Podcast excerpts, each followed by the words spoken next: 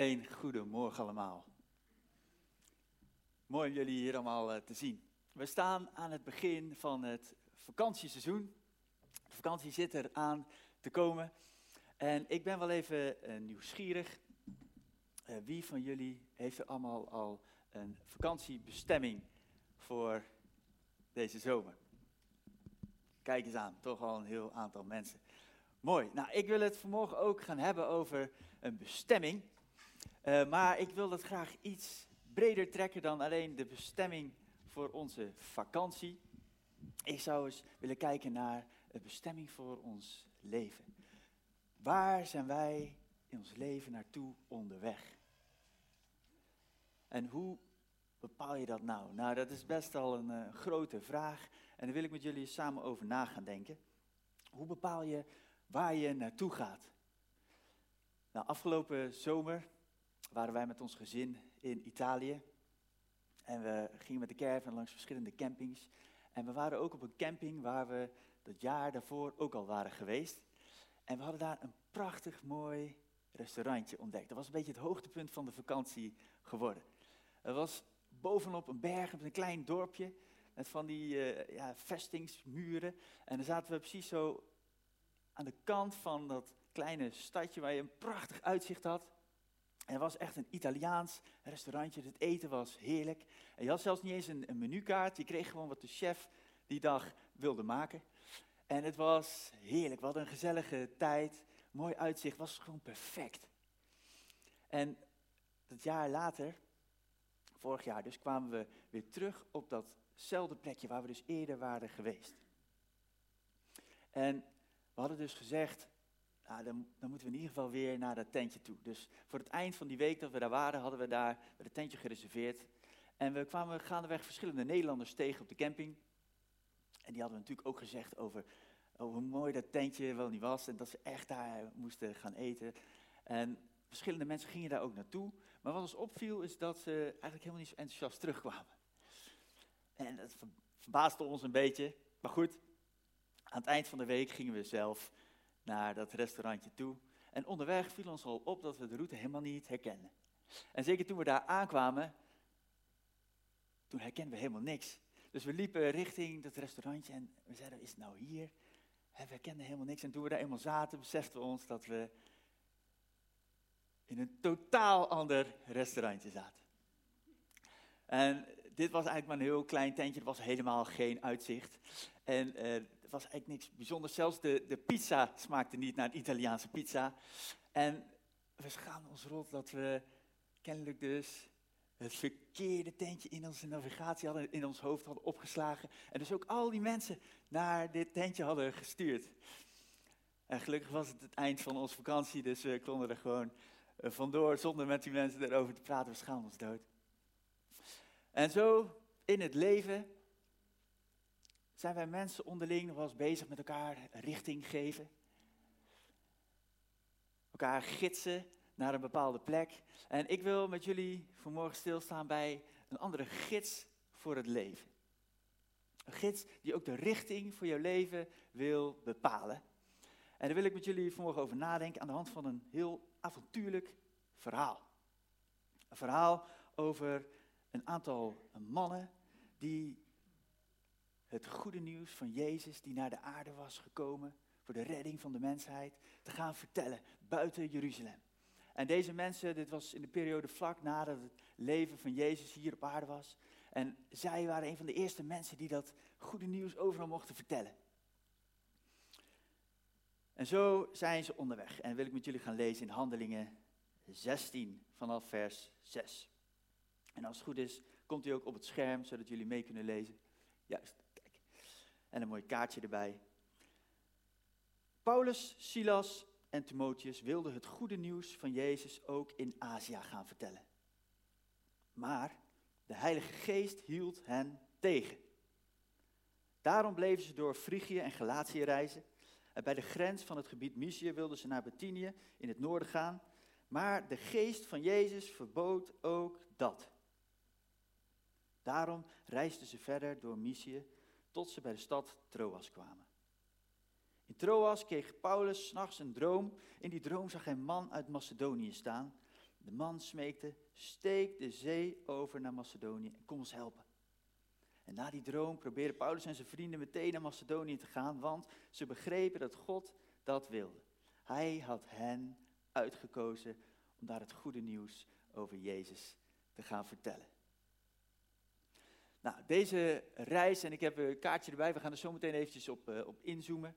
Het is een, een, reis waarvan de Bijbeluitleggers wel zeggen, ja, dat hebben ze waarschijnlijk te voet afgelegd.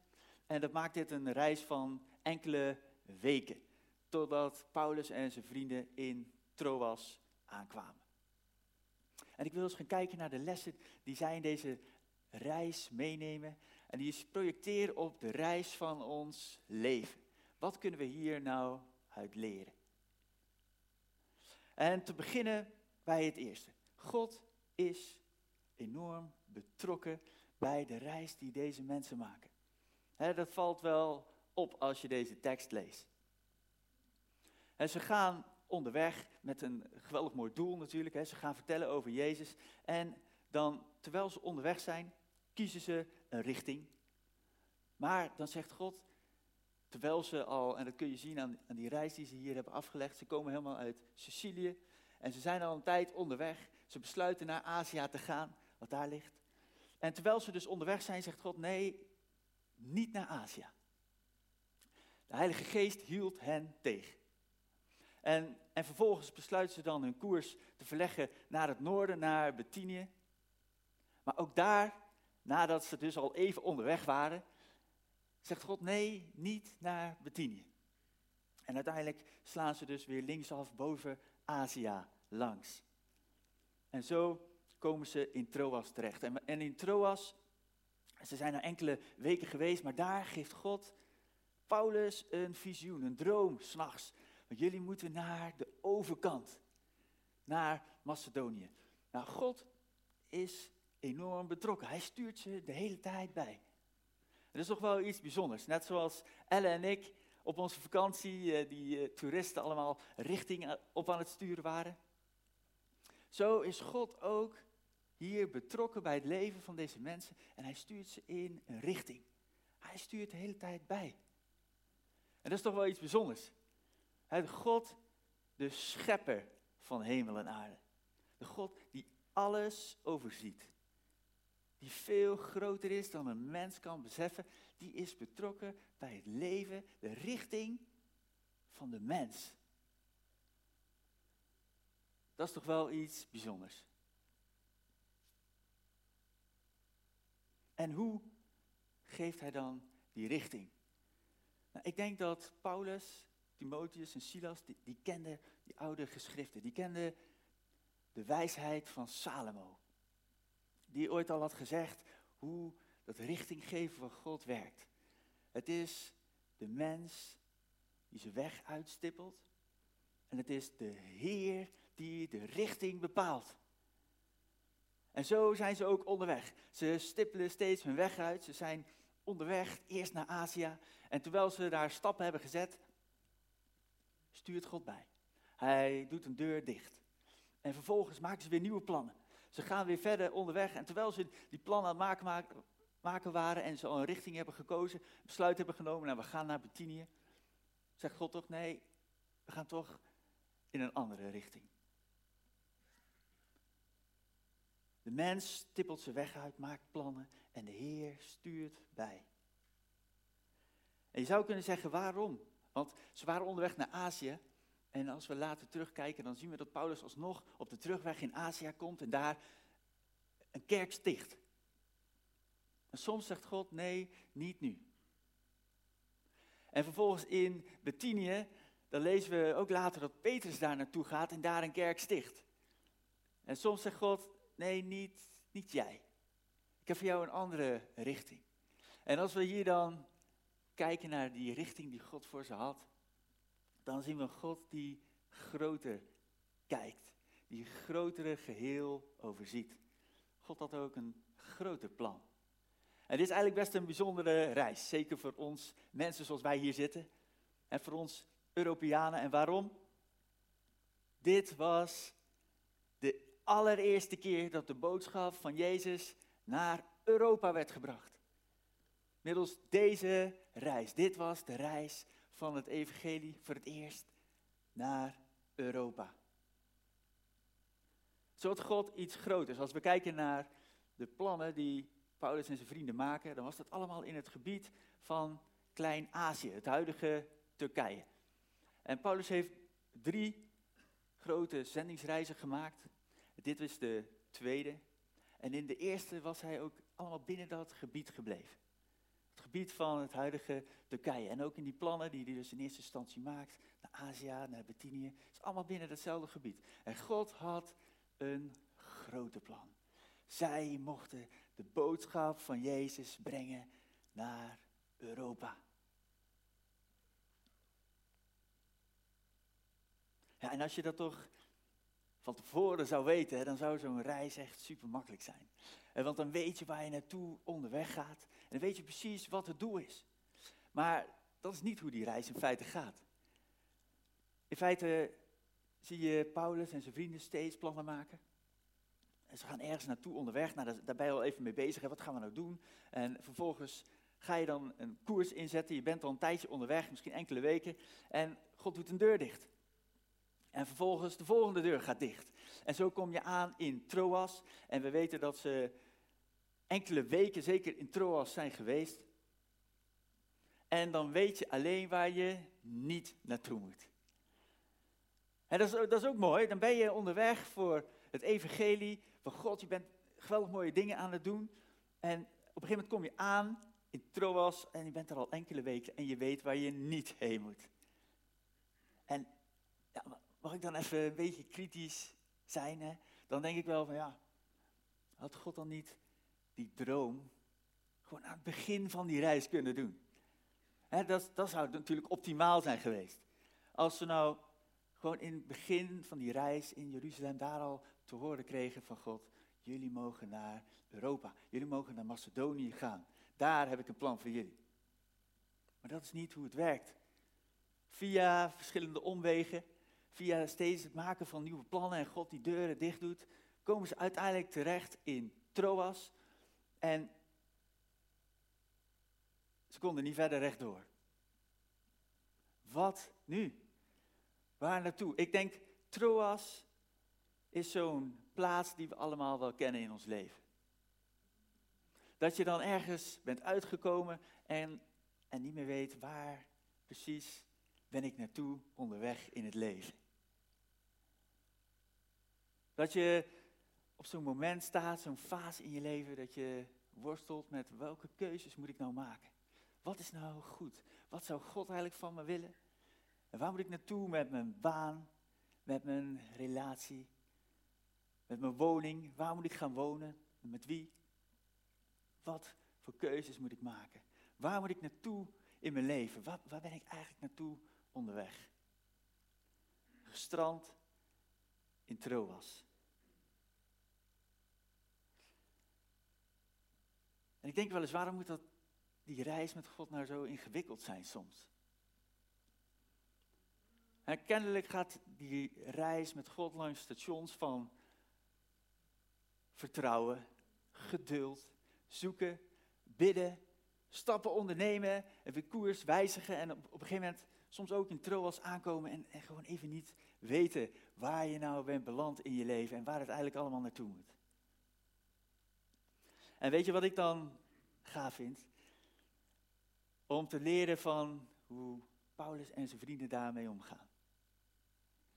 Terwijl ze niet weten waar ze naartoe moeten, waar ze vervolgens nu naartoe kunnen gaan, gaan ze daar op de plek waar ze zijn doen waar ze goed in zijn. En wat zien we dan achteraf?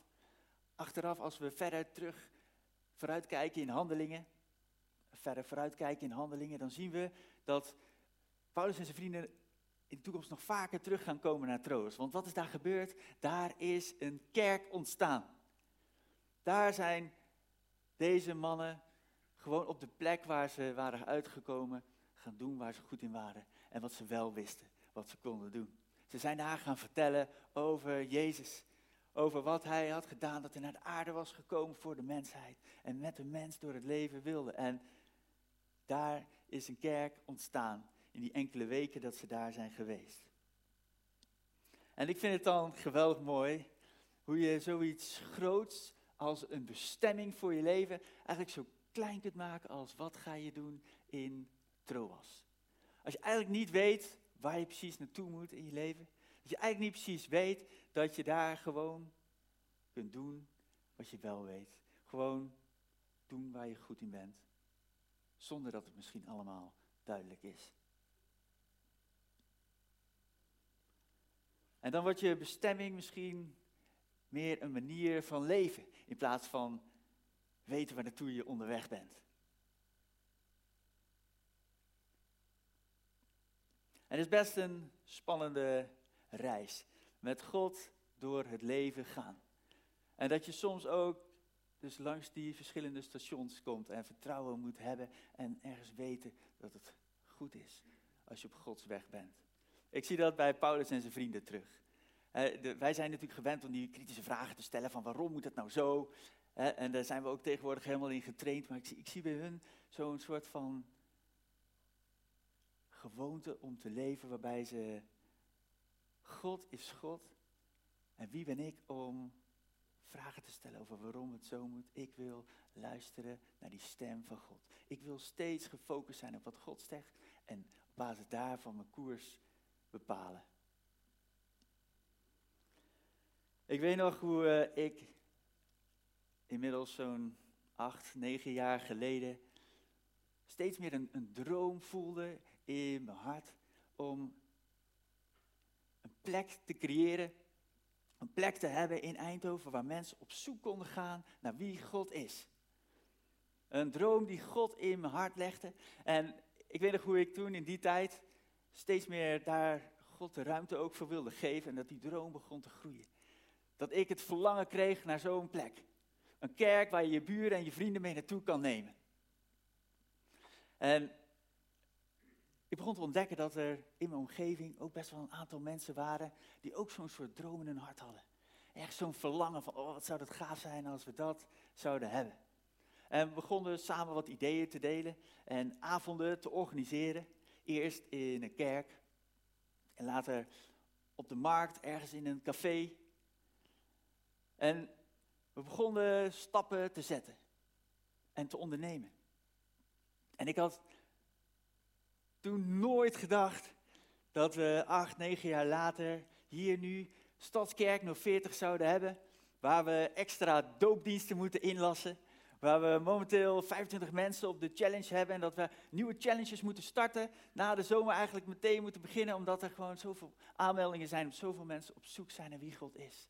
Zoveel mensen die hier voor het eerst durven binnen te komen. En een zoektocht met God beginnen hier bij Stadskerk. Ik heb ontdekt dat Gods plan voor jou is veel groter dan jou. Als God iets voor ogen heeft om te doen en jou daarbij wil gebruiken, mag je onderdeel uitmaken van een groter geheel.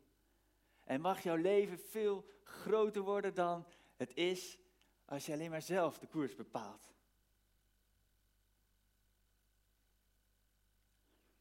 En Gods plan voor jou is groter dan jou. En dat betekent dus niet dat je zelf de ambitie hoeft na te streven om hongersnood in Ethiopië op te lossen. Om de helft van de wereld te bereiken. Nee, dat betekent dat jij kunt doen waar jij goed in bent op de plek waar je bent. En dat jij ja kunt zeggen tegen die droom die God in je leven wil leggen. Waarbij je een klein onderdeel mag uitmaken van een veel groter geheel. Maar dat is wel spannend. En zoals jij erbij zit vandaag, durf jij ja te zeggen tegen God die dan een richting wil geven in je leven? Durf je die richting uit handen te geven? En dat betekent misschien voor jou dat jij verlangens krijgt om die collega te zijn op je werk, die altijd anderen in hun kracht zet die, die dienstbaar is en, en opvalt door dat jij anderen lief hebt. Dat jij misschien die, die onderneming mag starten om meer te vertellen over wie God is. Of over mooie, om mooie dingen te doen voor mooie doelen hier in deze wereld. Dat jij misschien mag bijdragen aan de bouw van een kerk in Eindhoven. Durf jij te gaan voor een leven dat groter is dan jij? Ik weet nog hoe we met een bouwteam van Stadskerk bezig waren. We waren ongeveer een, jaar al samen aan het dromen over de bouw van Stadskerk 040. En we waren dus een jaar lang samen erover nadenken. En toen kwamen we tot het punt van, nou, we, hebben wel die richting die God geeft aan die droom. En we weten ongeveer welke stappen te zetten. Alleen nu moeten we dan een, een plek hebben waar we kerkdiensten kunnen organiseren. Een locatie, een gebouw. En we hadden een lijstje gemaakt en gekeken naar nou, waar, waar kunnen we allemaal naartoe, wat zijn de opties. En er kwam een hele lijst uit en, en ook een volgorde in wat is nou de beste plek en, en wat zou een beetje de, minst ideale plek zijn. En bovenaan stond het Evaluon en onderaan een, een schuurtje in Woensel. Ergens. En, en dat schuurtje in Woensel die was, uh, die was betaalbaar en, en daar konden we ook terecht. En, en, en dat was ook dan het Evaluon. Ja, en we, dachten toch, we gaan stappen ondernemen. We gaan gewoon eens het gesprek voeren. En in gesprek kwamen we tot mooie gesprekken met de directie die het eigenlijk wel heel gaaf vond wat we wilden gaan doen. En ze wilden ook best wat onderhandelen over de prijs. Maar vervolgens kwam er toch nog wel een behoorlijk kostenplaatje bij. En dus hadden we berekend, nou, als we voor een jaar kunnen tekenen, als we een jaar lang die de diensten kunnen doen, dan hadden we aan de voorkant nog 15.000 euro nodig. We hadden al een heel team dat ook aan het bijleggen was en, en samen kwamen we tot een mooi bedrag, maar we hadden nog 15.000 euro nodig. En uh, nou, we besloten daar maar voor te bidden. dat is dan op een gegeven moment nog het enige wat je kan doen. En, uh, en de tijd verstreek. En op een gegeven moment was het nog één week en dan, dan moesten we een beslissing nemen. En weet je, dan, dan ga je denken van ja, weet je, misschien moeten we gewoon in het schuurtje in Woensel beginnen. En, en je geloof die begint een beetje af te nemen. En in die week kregen we van, kreeg ik van twee verschillende mensen een telefoontje.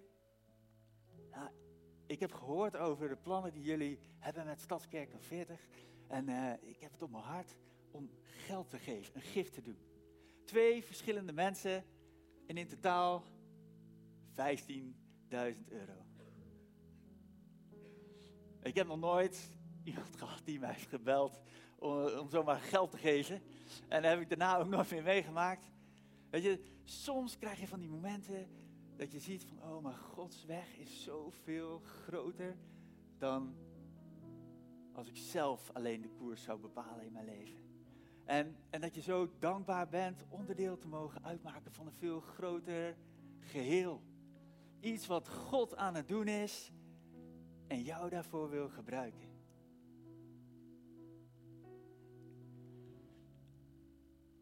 Paulus en zijn vrienden, die hadden een nieuw avontuur voor hun lichaam. Aan de overkant van het water, de overkant van de zee.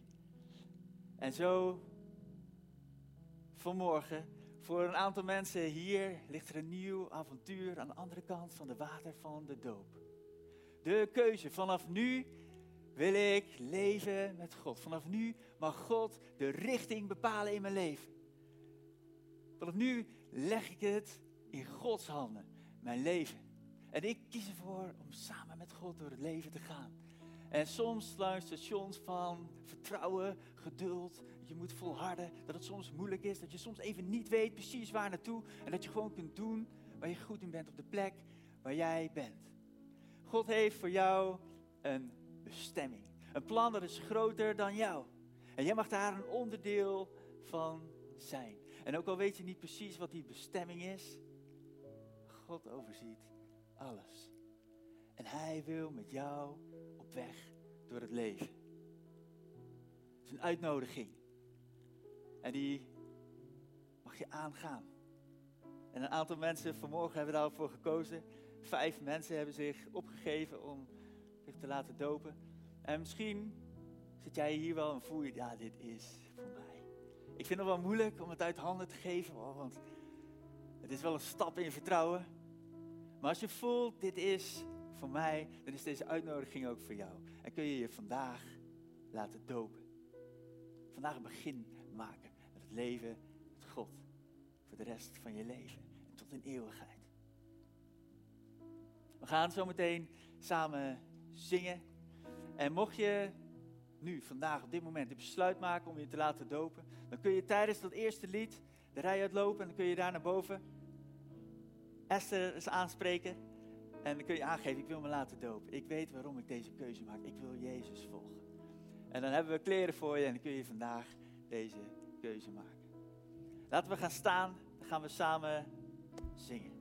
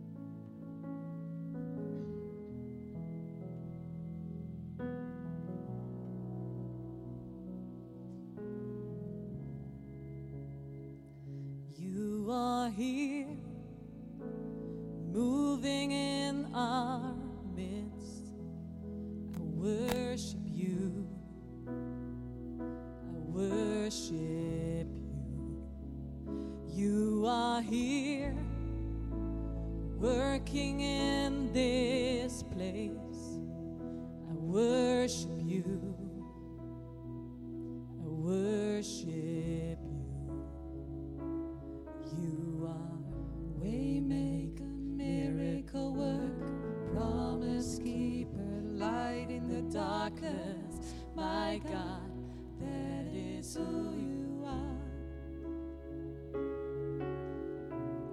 We make a miracle work. promise keeper, light in the darkness, my God, that is who you are. You are here, touching everything you.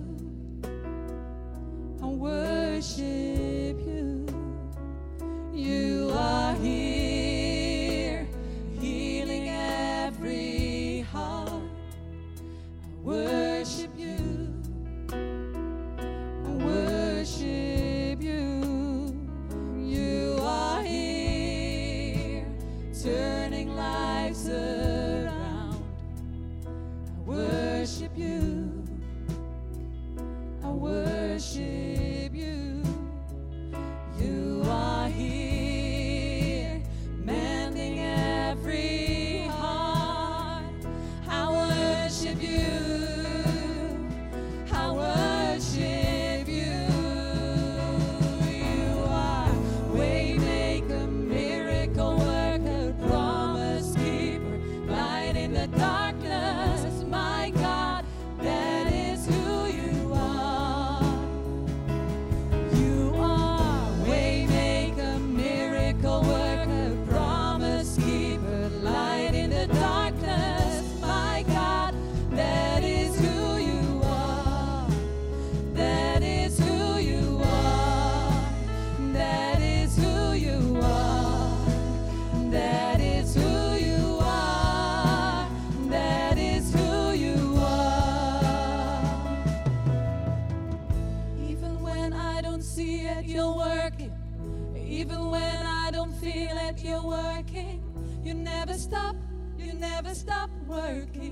You never stop, you never stop working. Even when I don't see it, you're working. And even when I don't feel it, you're working. You never stop, you never stop working. You never stop, you never stop working. Waymaker, miracle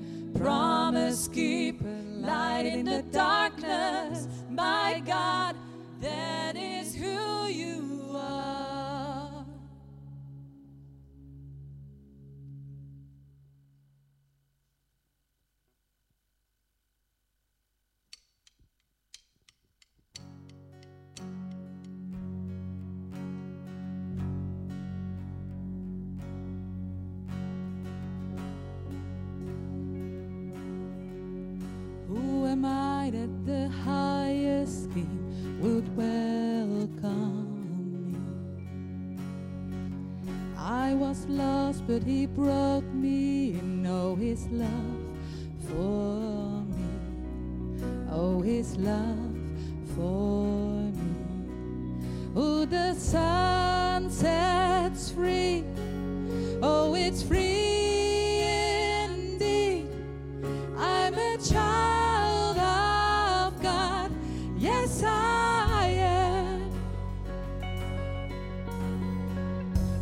at last he has ransomed.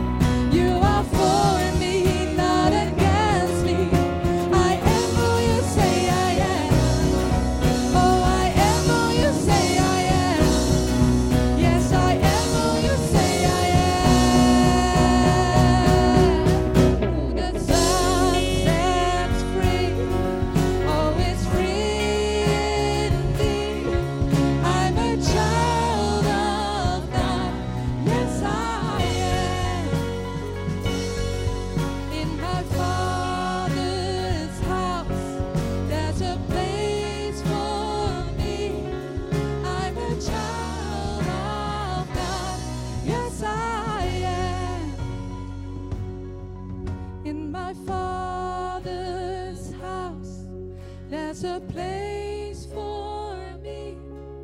I'm a child of God. Yes, I am.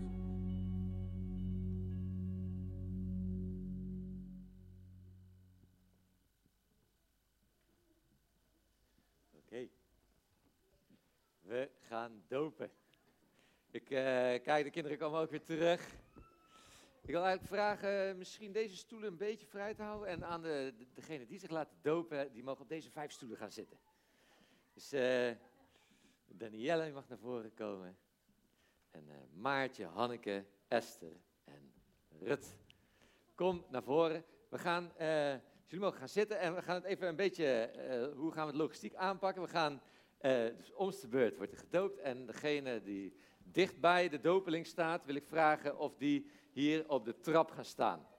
Dus als degene eh, die gedoopt wordt, waar, eh, dat je dan hier op de trap gaat staan, zodat als eh, degene boven water komt, dat je er ook direct bij bent. En dan moeten we een beetje doorlopen, dat dan ook de volgende weer aan de slag, dat je daarna weer gaat zitten. Je mag hier gaan zitten.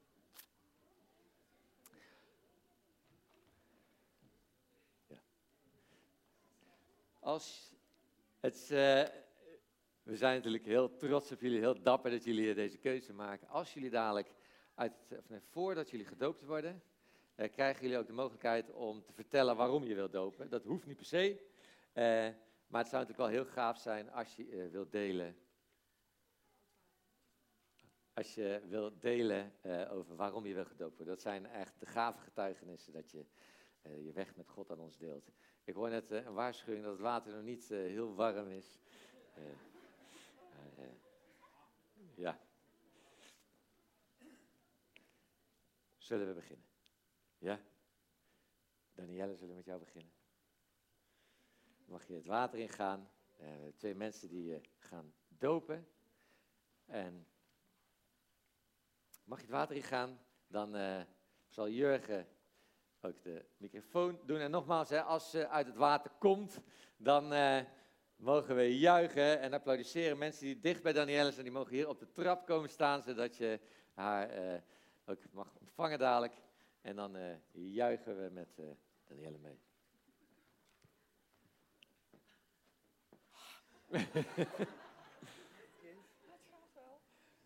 ja. Ja, ik kan nog wel iets vertellen. Oh, en de camera, kan die op beeld? Oh, ook nog. Wordt aangewerkt. Nee, ik zag net al dat het vast liep. Geweldig. Ehm, ja, ik wil mij heel graag laten dopen. Ik ehm, ben geboren uit de duisternis. En ik heb eigenlijk altijd wel een eh, licht bij me gehad. Eh, maar ik wist niet wat het was. Er werd thuis ook niet zoveel over gesproken. Dus eh, toen kwam ik eh, op pitstop en daar was Peter. En die zei altijd, lees nou de Bijbel. Of hij wilde mij wat bijbrengen. Ik zeg, nee, ik geloof wat ik geloof. Want dat licht was er. Maar wat het was, ja, dat wist ik niet. Maar toch altijd afgewezen. En toen, eh, tweede paasdag was het denk ik.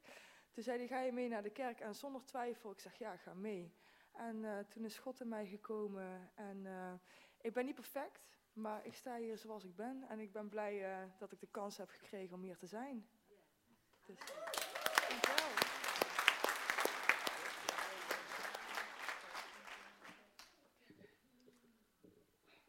Danielle, ja, ja, we kennen elkaar al heel wat jaren en eh, dit is voor mij ook een heel bijzonder moment.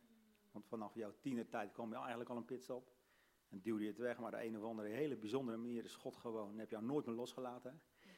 En daar op die grond heb jouw getuigenis en dan uh, doop voor jou in de naam van de Vader en de Zoon en de Heilige Geest.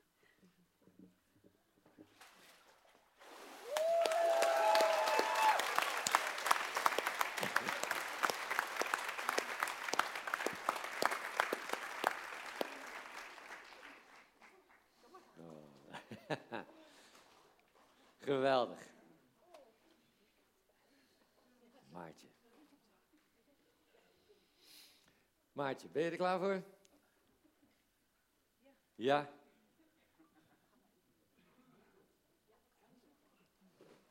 Ja, mag de familie van Maartje hier komen staan? Goed, zo, de support hoor ik al.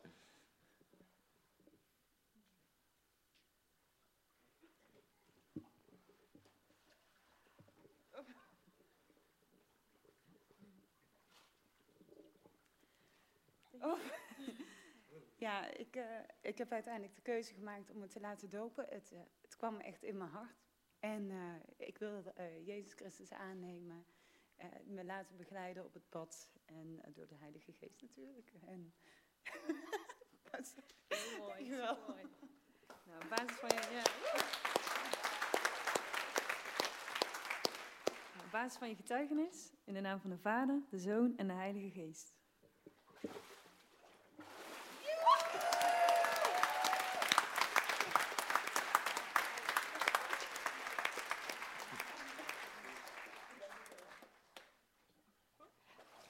Geweldig.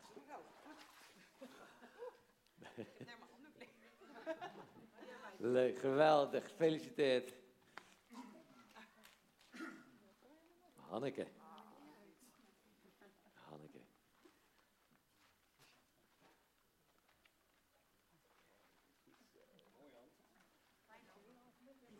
Ook hier voor de familie of andere mensen dicht bij Hanneke staan. Ga lekker op de trap staan. Wacht nog heel even tot iedereen erbij is.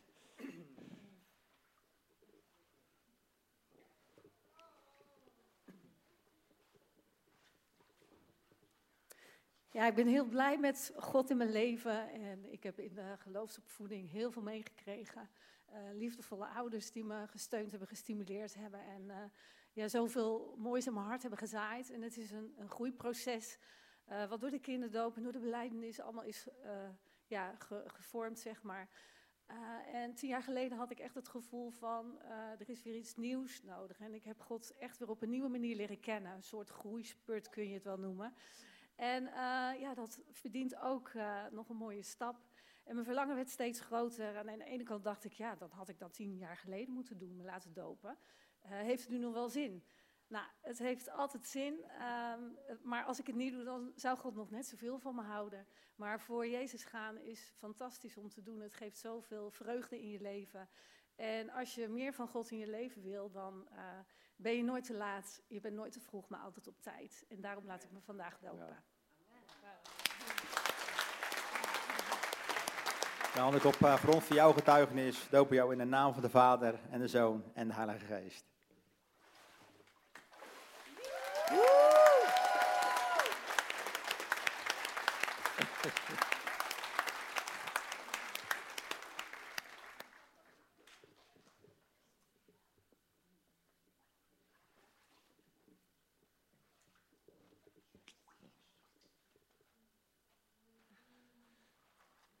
Geweldig. Esther, ben je er klaar voor?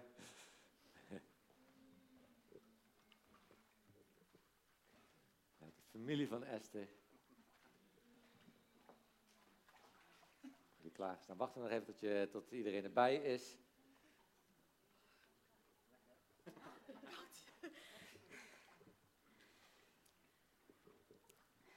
Nou, eh, ik heb het niet altijd even makkelijk gehad. Er zijn eh, momenten geweest waarin ik eh, had besloten, nou, God en het geloof, ik eh, wil er helemaal niks meer mee te maken hebben. En ja, zelfs in die momenten, God heeft mij nooit losgelaten, heeft me altijd vastgehouden. En ehm, ja, dankzij hem en mijn fantastische ouders die hij me gegeven heeft, ben ik een persoon dat ik vandaag de dag ben. En voor dat en miljoenen andere dingen ben ik hem voor eeuwig dankbaar. Ik geloof dat Jezus voor mij het kruis is gestorven, voor mijn zonde. En ik wil hem de rest van mijn leven dienen. Eh, ik ben net mijn huis eh, uitvertrokken, mijn eerste appartement in, een nieuwe baan begonnen. Ik ga een nieuwe levensfase in. En eh, ja, no way dat ik dat eh, zonder God ga doen.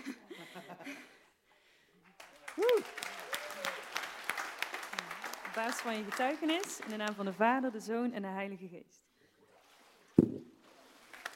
Geweldig.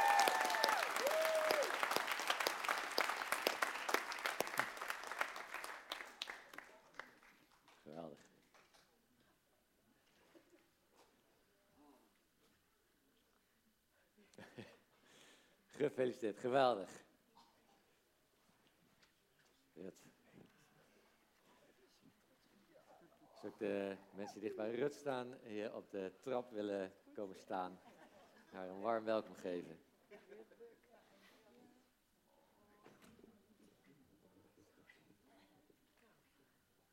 Wachten nog even tot iedereen erbij is. Loop lekker even door. Zo, de voorste.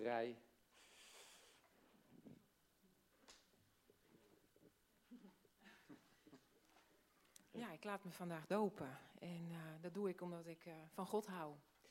Mijn hele leven lang. Ik ben heel dankbaar en blij dat ik eh, in een gelovig gezin ben grootgebracht.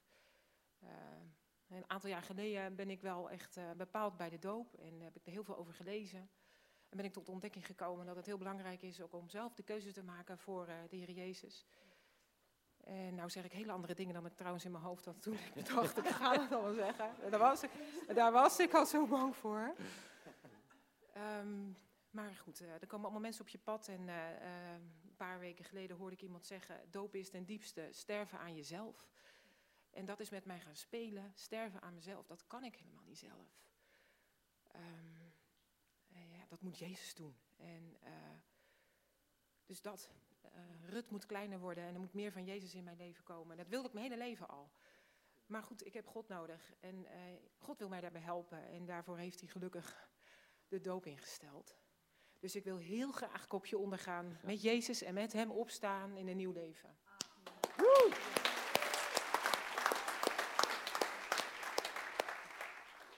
Ja, op grond op jouw getuigenis stoop ik jou in de naam van de Vader en de Zoon en de Heilige Geest.